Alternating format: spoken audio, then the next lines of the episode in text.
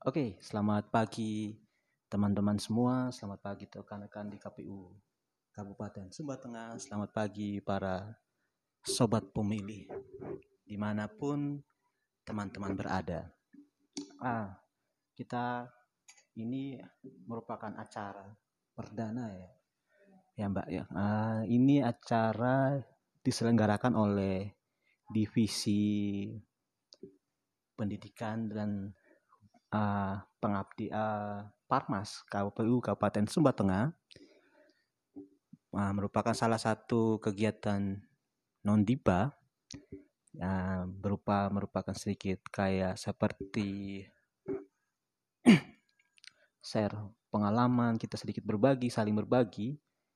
Nah tentang beberapa topik yang mungkin bisa menambah pengetahuan maupun skill teman-teman semua uh, dalam pagi menjelang siang ini juga yang mungkin kita akan bagikan dalam acara uh, dalam sesi kali ini adalah bagaimana uh, pengalaman saya sedikit sedikit share pengalaman saya bagaimana kita untuk mulai menulis.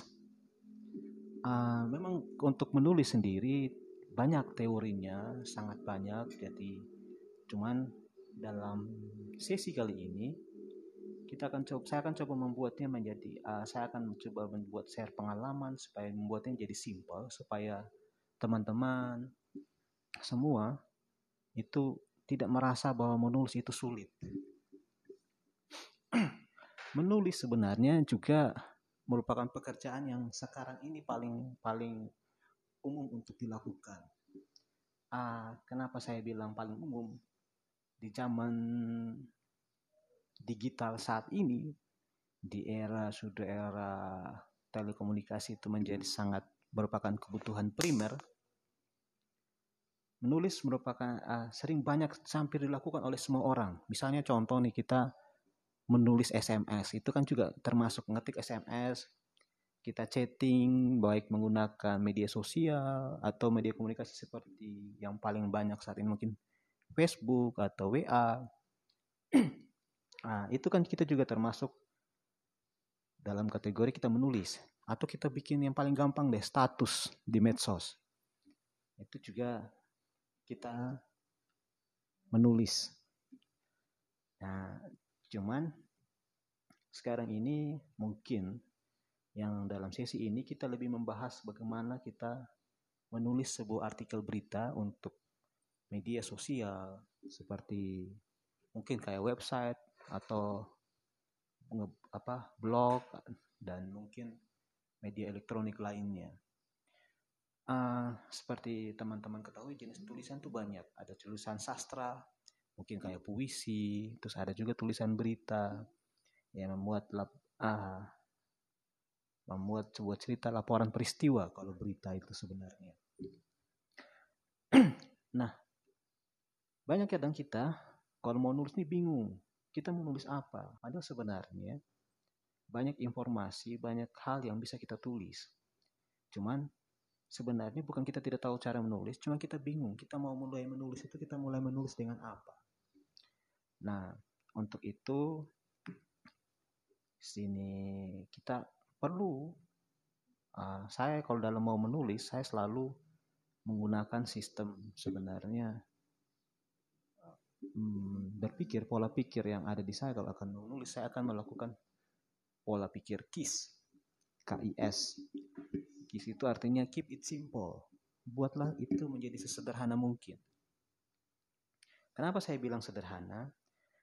Tulisan yang baik adalah tulisan yang dapat dimengerti oleh para pembacanya. Oleh karena itu kita kalau dalam menulis kita perlu membuat tulisan itu sederhana sehingga setiap uh, target pembaca uh, pembaca yang menjadi target kita segmentednya segmented pembaca yang menjadi target kita bisa mengerti maksud dan tujuan dari tulisan kita. Dan dia bisa menangkap informasi apa yang akan yang akan kita bagikan ke mereka. Nah untuk jenis tulisan jurnalistik sendiri itu terbagi jadi dua sebenarnya pada umumnya.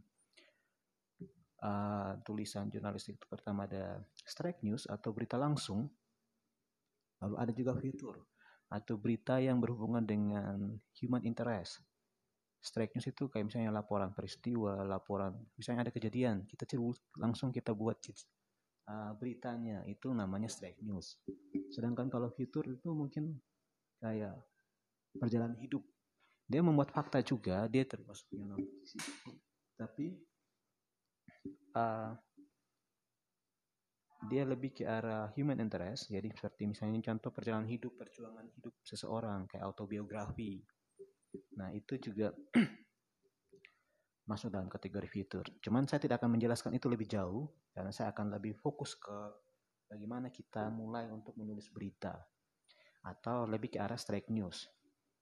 Strike news ada dua juga. Ada yang hard news dan ada yang uh, soft news hard news lebih ke arah berita yang berat langsung misalnya kejadian. Suatu peristiwa kita bahas kita kupas ada yang strike ya soft news lebih ke arah berita yang hobi mungkin yang lebih ringan. Kalau kita mau lihat tapi untuk pembagian jenis-jenis berita juga saya tidak terlalu mau fokus dalam sesi kali ini. Karena saya mau membuat materi kali ini agak lebih simpel sedikit.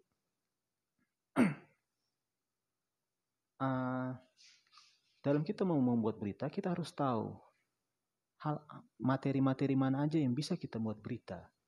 Contoh, tidak semua materi bisa kita jadikan berita. Contohnya misalnya, uh, seekor anjing menggigit uh, manusia.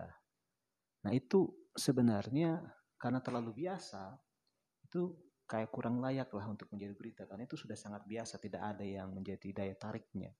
Tapi Misalnya contoh, seekor manusia menggigit anjing, nah itu baru mungkin bisa jadi berita. Nah, itu artinya contoh, bukan berarti itu kejadian betul, cuman ini bahwa tidak semua saya mau menekankan bahwa tidak semua kejadian bisa kita jadikan berita. Lalu yang berikut, ah nilai-nilai kalau gitu berita-berita yang kejadian mana aja atau berita uh, hal-hal apa yang membuat sebuah peristiwa itu bisa layak untuk menjadi sebuah berita. Nah, yang paling pertama itu kalau misalnya kita mau lihat sebuah uh, menulis berita, maka dia itu harus aktual. Sebuah kejadian itu harus aktual, baru terjadi atau ada kebaruan, ada update.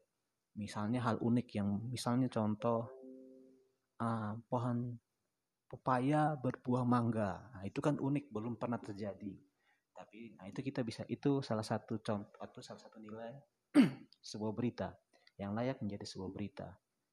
Terus yang berikut dia penting. Penting dalam arti dia berhubungan dengan banyak orang atau dia berhubungan dengan sebuah public figure. Misalnya mungkin hmm, artis atau pemimpin-pemimpin bangsa atau pemimpin-pemimpin daerah yang ada di dekat dengan uh, tempat berita itu dipublish. Lalu besar, artinya kejadian luar biasa. Misalnya contoh infeksi corona menembus angka satu juta di Indonesia. Nah itu layak menjadi berita karena dia dia uh, besar dan merupakan kejadian yang luar biasa. Lalu hmm, dekat, Dekat itu artinya mungkin dia memiliki kedekatan dengan pembaca. Pembaca uh, misalnya contoh kedekatan geografis atau kedekatan budaya sehingga orang-orang tertarik oh ini di, terjadi di sekitar kita dan kok saya pengen tahu ya apa ini. Artinya kita membuat rasa daya tarik pada para pembaca. Nah, yang nilai yang berikut yang layak menjadi berita adalah human interest atau misalnya kayak hobi atau kegemaran misalnya contoh film baru yang muncul atau mungkin ada sinetron yang diangkat ke layar lebar. Nah artinya uh, itu menjadi human interest karena ada yang oh saya tertarik dengan film ini. Itu contoh itu bisa layak menjadi berita. Kita bisa buat uh, sinetron ini diangkat ke layar lebar. Itu contoh. Dan yang terakhir uh, sebuah sesuatu kejadian layak menjadi berita kalau misalnya dia ada pertentangan antara ada kubu satu dan kubu lain. Misalnya mungkin contoh yang baru sekarang-sekarang ini terjadi yang mengatakan oh Jokowi tiga periode. Nah itu kan banyak yang ada yang pro, ada yang kontra. Itu menjadi pertentangan. Itu layak menjadi sebuah berita. Selanjutnya, setelah kita tahu bahwa hal-hal apa aja yang setelah itu menjadi nilai-nilai yang tadi saya sebutkan menjadi dasar kita untuk menentukan sebuah kejadian atau sebuah peristiwa itu layak kita tulis berita untuk menjadi sebuah berita.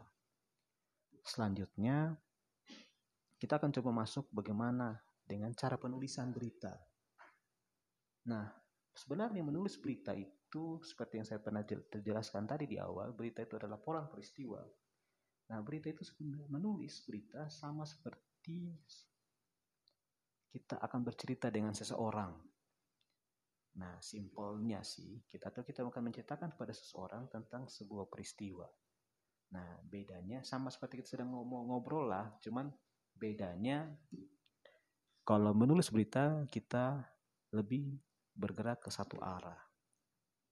Nah, dalam kita mau nulis berita awalnya juga kita harus tahu ada beberapa hal yang paling ya, yang perlu diperhatikan. Yang pertama itu unsur berita. Unsur berita itu adalah hal yang wajib ada dalam sebuah berita adalah yang kita kenal itu 5W 1H. What, who, where, when, why, dan how. Nah, itu teman-teman pasti yang pernah menulis tahu betul bahwa 5W 1H adalah merupakan unsur yang wajib ada dalam sebuah berita. Nah, what itu uh, tentang apa? Peristiwanya, nama peristiwa. Misalnya contoh kalau apa nama uh, kita mau menulis tentang kegiatan kita hari ini, maka nama kegiatan kita apa?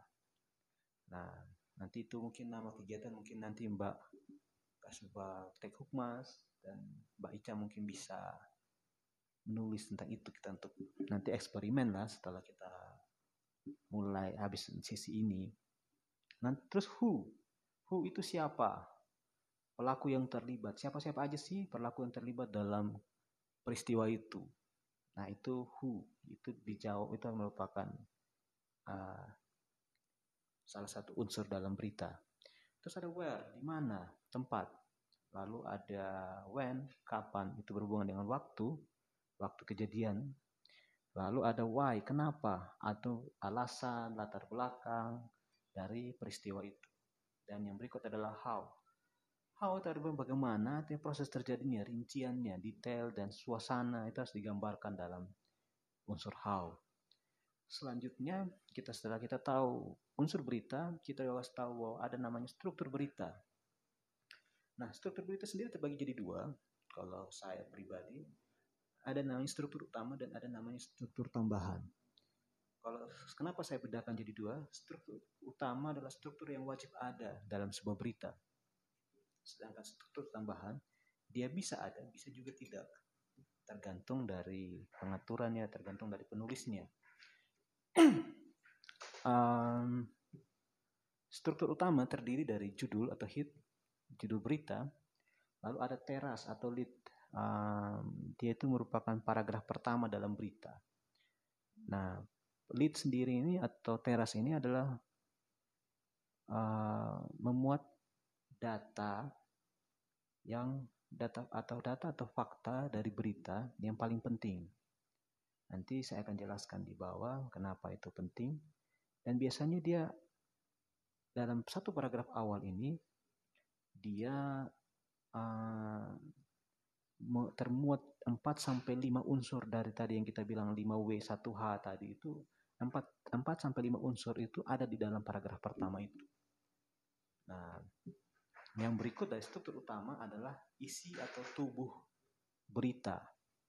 Itu biasanya memuat unsur berita paling umum ya, paling umum itu biasanya tentang why dan how. Unsur why, mengapa dan how. Proses terjadinya detailnya bagaimana. Nah, setelah ada struktur utama tadi, kita punya juga informasi tambahan. Nah, informasi tambahan itu hmm, ah struktur tambahan maaf struktur tambahan itu ada beberapa bagian juga. Itu terdiri dari informasi tambahan. Biasanya kalau kita mau bikin berita dia itu biasanya ada di paragraf 3 dan 4 karena kalau kita bikin berita artikel untuk media elektronik biasanya dia tidak bisa terlalu panjang. Karena uh, biasanya orang yang membaca media elektronik kan kalau uh, membaca ini maunya yang yang simpel dan ringkas jadi biasanya kalau tulisannya agak panjang, orang agak cepat cenderung untuk tidak akan membacanya sampai selesai. Maka karena oleh karena itu biasanya informasi tambahan ada di paragraf 3 dan 4. Terus ada byline atau nama penulis. Siapa sih yang nulis artikel ini? Terus uh, ada juga place line, mungkin nama tempat kejadian atau lokasi kejadian. Yang berikut adalah deadline. Dan, uh, deadline itu adalah tanggal atau waktu kejadian, waktu kejadian, waktu penulisan lebih tepatnya. Waktu penulisan berita. Jadi kapan berita itu ditulis. Uh, setelah kita tahu tadi strukturnya, kita perlu uh, tahu juga ada berapa, uh, bahwa hmm, berita pada di media online atau media elektronik uh, biasanya itu setelah kita tahu tadi strukturnya, nah berita itu pada media online atau media elektronik itu disusun dalam bentuk piramida terbalik. Nah, apa itu piramida terbalik? Piramida terbalik itu artinya bahwa kita membuat sebuah berita dengan memaparkan ide utamanya atau fakta pentingnya atau informasi terpenting dari sebuah berita itu ada di paragraf pertama.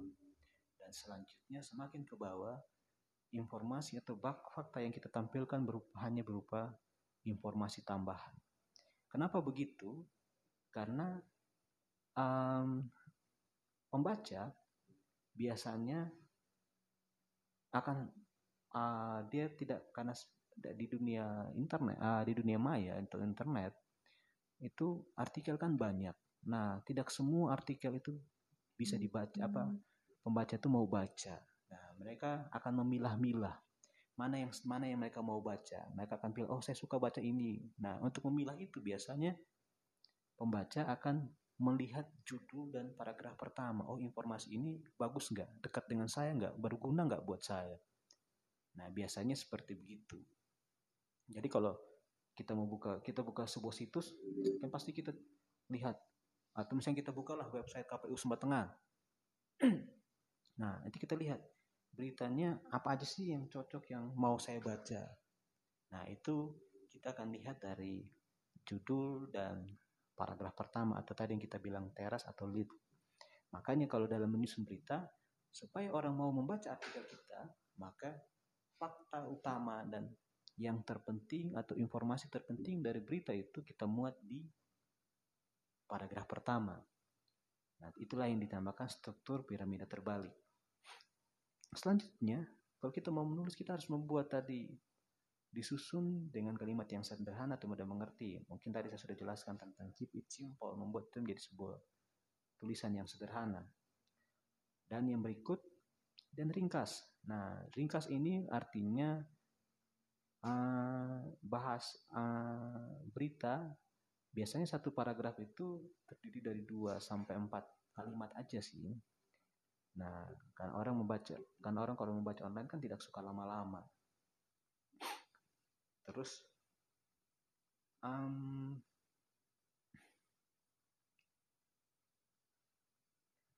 nah tadi yang piramida terbalik itu, nah kalau kita sudah buat di paragraf pertama, nanti uh, oke okay, kita akan masuk di bagaimana sih cara nulis. Nah, kalau kita mau menulis, kalau saya sih menyarankan agar kita menulis pada judul itu belakangan. Judul kita lakukan belakangan. Nanti saya jelaskan kenapa judul kita lakukan belakangan. Yang pertama kita nulis adalah kita seperti yang tadi seperti kita bilang kita bikin adalah paragraf pertama. Paragraf pertama itu merupakan titik awal dan langkah penting kita dalam menulis berita. Karena di situlah paragraf pertama itulah yang membuat memuat uh, informasi penting. Misalnya berita terakhir di website KPU Sumber Tengah itu tentang penyerahan SK CPNS kalau saya tidak salah. Nah itu dia sudah langsung ada penyerahan SK CPNS kepada tiga CPNS di KPU Sumber Tengah. Waktunya disebutin, tempatnya juga disebutin. Jadi sudah ada langsung empat unsur dari enam unsur yang tadi 5W1H itu yang sudah dijelaskan langsung di paragraf pertama. nah, paragraf pertama itulah menjadi informasi utama yang akan kita bagikan ke pembaca. Nah, paragraf pertama itu dijelaskan secara detail. Nah, nanti setelah kita bikin paragraf pertama, paragraf kedua itu mulai kita jelaskan apa nah setelah kita kan paragraf pertama tadi memuat nama nama peristiwa atau dengan pelaku atau ya sudah ada tadi tempat dan waktu. Nah, paling pada das paling gampang antara dua unsur antara unsur who dan what itu biasanya sering kadang itu digabung. Who dan what itu artinya siapa melakukan apa. Jadi KPU Sumber Tengah melakukan KPU Sumber Tengah melakukan pembagian SK CPNS kepada CPNS baru yang ditempatkan di KPU Sumber Tengah.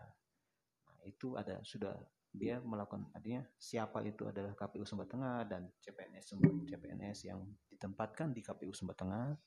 Terus habis itu apa itu adalah apa itu adalah kegiatan nama kegiatannya itu ada pembagian SK CPNS nah nanti ada lagi nanti di kalimat berikut kita bahas tentang kapan dilakukan dan di mana pembagian acara pembagian SK itu kita lakukan.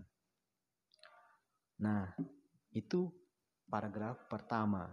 Kita masuk di paragraf kedua kita akan lebih menjelaskan uh, kenapa kenapa kita kita kenapa kita perlu mah acara itu kenapa dilakukan? Alasan atau latar belakang acara itu dilakukan. Nah terus di mana detailnya ini dilakukan? Misalnya contoh acara kita contoh berita terakhir yang tadi saya bilang pembagian SKC PNS kepada PNS baru di KPU Sumatera Tengah uh, detailnya di situ bahwa kita jelaskan bahwa pembagiannya itu dilakukan dan itu difoto dan dilakukan secara serentak di seluruh Indonesia. Nah, artinya ada detailnya kita jelaskan bahwa ada nanti ada nasihat dari Ibu Ketua atau dari Pak Sekretaris KPU Sumatera Tengah. Nah, itu ada itu detail kegiatannya. nah, setelah itu jangan lupa ada namanya kutipan atau kita itu um, apa ya kita mengutip ada pernyataan orang dalam pernyataan narasumber kita bilang narasumber dalam berita itu yang yang ikut dalam andil dalam kegiatan tersebut misalnya dalam berita terakhir itu di situ ada nasihatnya Pak Sek dan nasihatnya Ibu Ketua kepada CPNS baru nah itu kita kutip Nah, dalam cara mengutipnya paling gampang kita tidak perlu mengutip sesuai langsung dengan detail. Kita bisa mengutip, artinya kita tidak harus mengutip sesuai dengan apa yang mereka bicarakan. Kita tidak harus. Kalau bisa sih harus, kalau bisa sih sesuai apa yang mereka katakan. Tapi yang penting apa yang kita kutip merupakan uh, memiliki makna yang sama yang dimaksud oleh narasumber. Jadi misalnya kalau kita menulis berita kita mengutip pernyataan seseorang, maka sebaiknya sebelum berita itu dipublikasi, berita itu kita uh, kutipan itu kita konfirmasi dulu, kita cross check dulu dengan narasumber supaya tidak ada perbedaan persepsi atau pemahaman. Nah, kalau misalnya narasumber mengatakan bahwa kutipan kita itu sudah sesuai dengan apa yang dia maksud, maka uh, kita kita bisa melakukan publikasi. nah, setelah kita mulai setelah kita sudah bikin kutipan nanti ada informasi tambahan informasi tambahan berupa harapan bahwa ketiga CPNS yang baru bisa memperkuat KPU Sumba Tengah dalam melakukan pemilihan serentak dan pemilu di tahun 2024.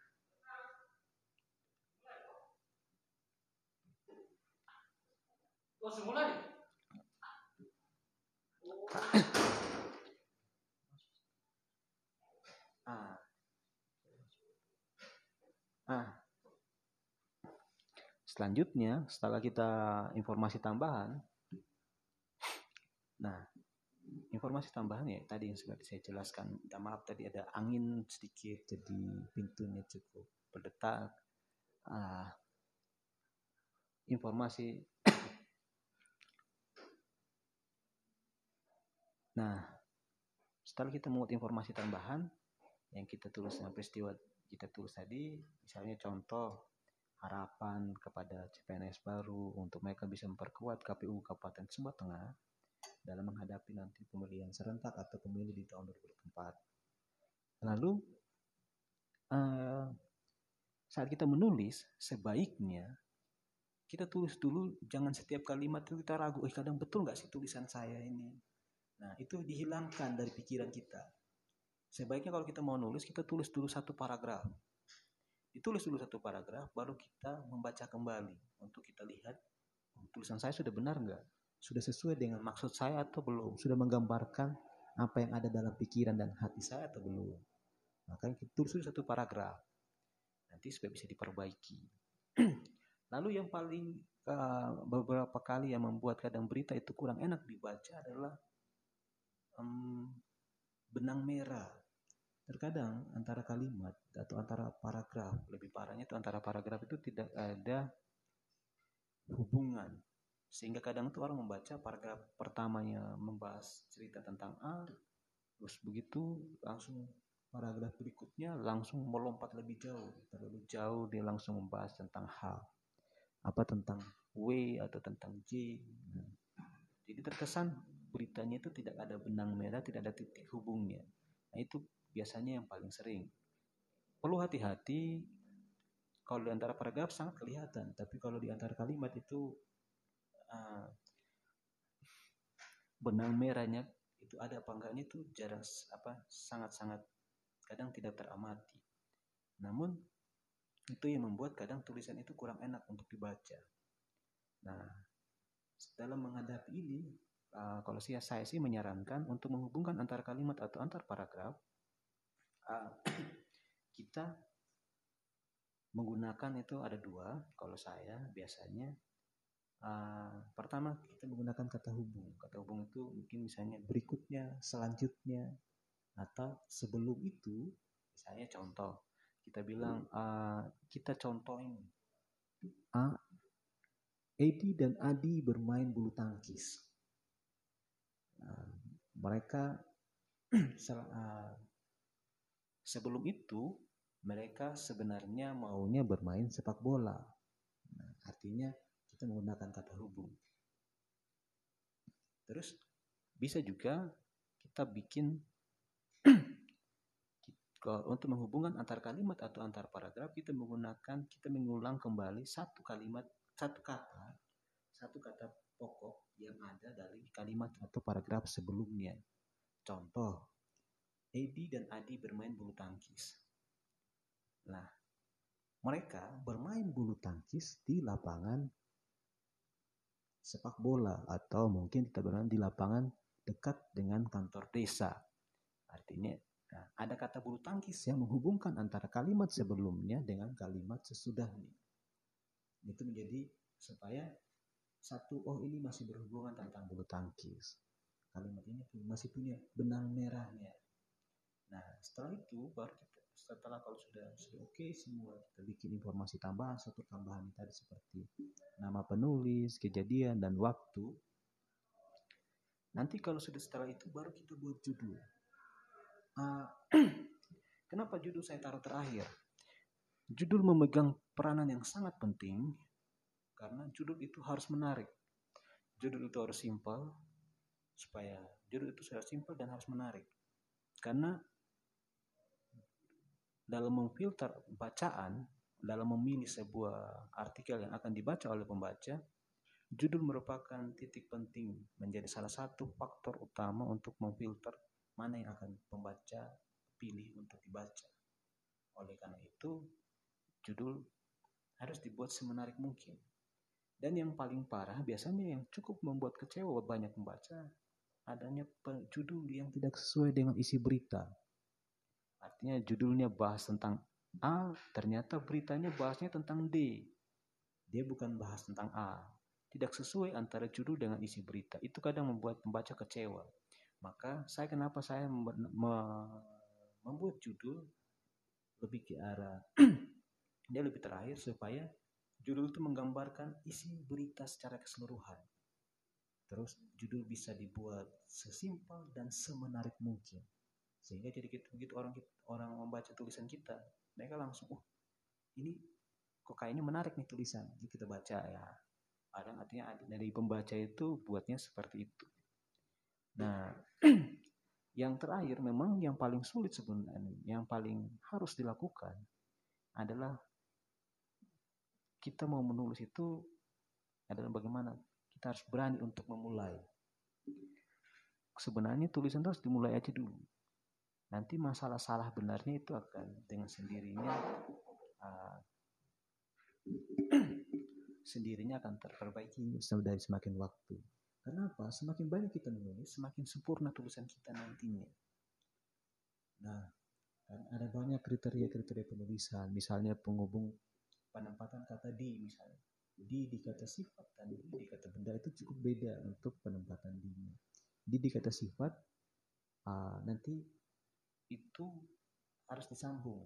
Tapi di di di kata tempat di kata benda itu harus dipisah. Nah ada beberapa hal aturan-aturan penulisan seperti itu yang sebenarnya kita dapat kita akan lebih gampang, kita akan lebih cepat kuasai kalau kita mempraktekannya.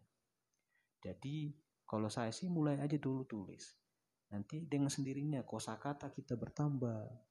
Nanti penggunaan bahasa, penggunaan kalimat, nanti ada penggunaan sudut pandang kita semakin banyak dan bagaimana kita mengurai sebuah data kan mengurai data itu bisa jadi semakin semakin bervariasi dan semakin menarik karena misalnya contoh ada satu peristiwa tapi bisa dibahas oleh dua wartawan dengan dua sudut pandang yang berbeda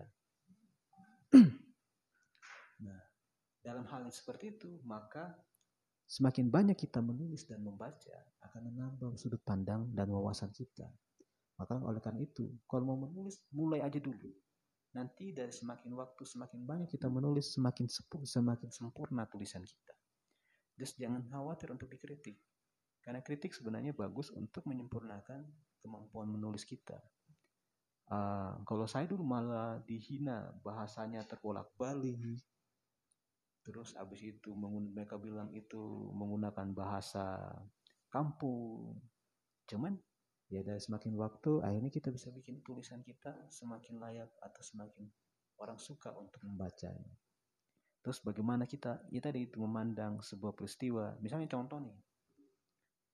Uh, Jokowi tiga periode isunya.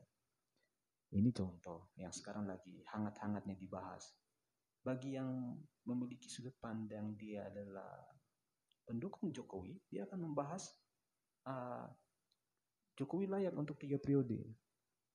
Tapi buat yang tidak suka dengan Jokowi, uh, mereka akan bilang, wah Jokowi itu mau menguasai sama kayak zaman Orba dulu. Namun ada sudut pandang ketiga lagi, misalnya sudut pandang dari KPU Sumba Tengah sebagai penyelenggara pemilu. KPU akan melihat, wah kita akan menyesuaikan dengan aturan. Misalnya contoh, Undang-Undang Dasar mewajibkan hanya dua kali, maka KPU uh, bahkan dari Undang-Undang Dasar itu ada Undang-Undang 7 tahun 2017 tentang pemilu. Itu juga menjelaskan bahwa presiden hanya bisa dua periode. Maka KPU sebagai penyelenggara pemilu tidak akan menerima Jokowi untuk dua periode kecuali kalau ada amandemen undang-undang dasar dan perubahan undang-undang pemilu Nah, itu ada sudut pandang ketiga. Jadi satu kejadian, tapi bisa dilihat dari berbagai macam sudut pandang. Nah, untuk melihat itu ya kita perlu mempertajam uh, kemampuan kita dalam mengurai data dan fakta dari kejadian dari sebuah isu atau kejadian tersebut. Nah, oleh sebab itu mungkin saya tidak akan mau panjang-panjang lebar supaya mungkin nanti teman-teman mulai belajar dulu. Eh, kita tulis dulu mulai aja dulu menulis nanti setelah itu setelah dibaca setelah selesai ditulis kita mulai baca sendiri dan kita mulai periksa. Dan untuk lebih gampangnya, memang sebaiknya tulisan itu diperiksa oleh orang lain, jangan oleh diri kita sendiri. Karena kalau uh, ada namanya editor, misalnya contoh nih, kalau dalam redaksi itu ada namanya editor. Dia berfungsi untuk meng mengkoreksi uh, tulisan kita. Nah, nanti pertama dia, pertama dia begini, karena yang bisa menilai kita bukan diri kita sendiri, tapi sebenarnya orang lain lah yang bisa menilai kita.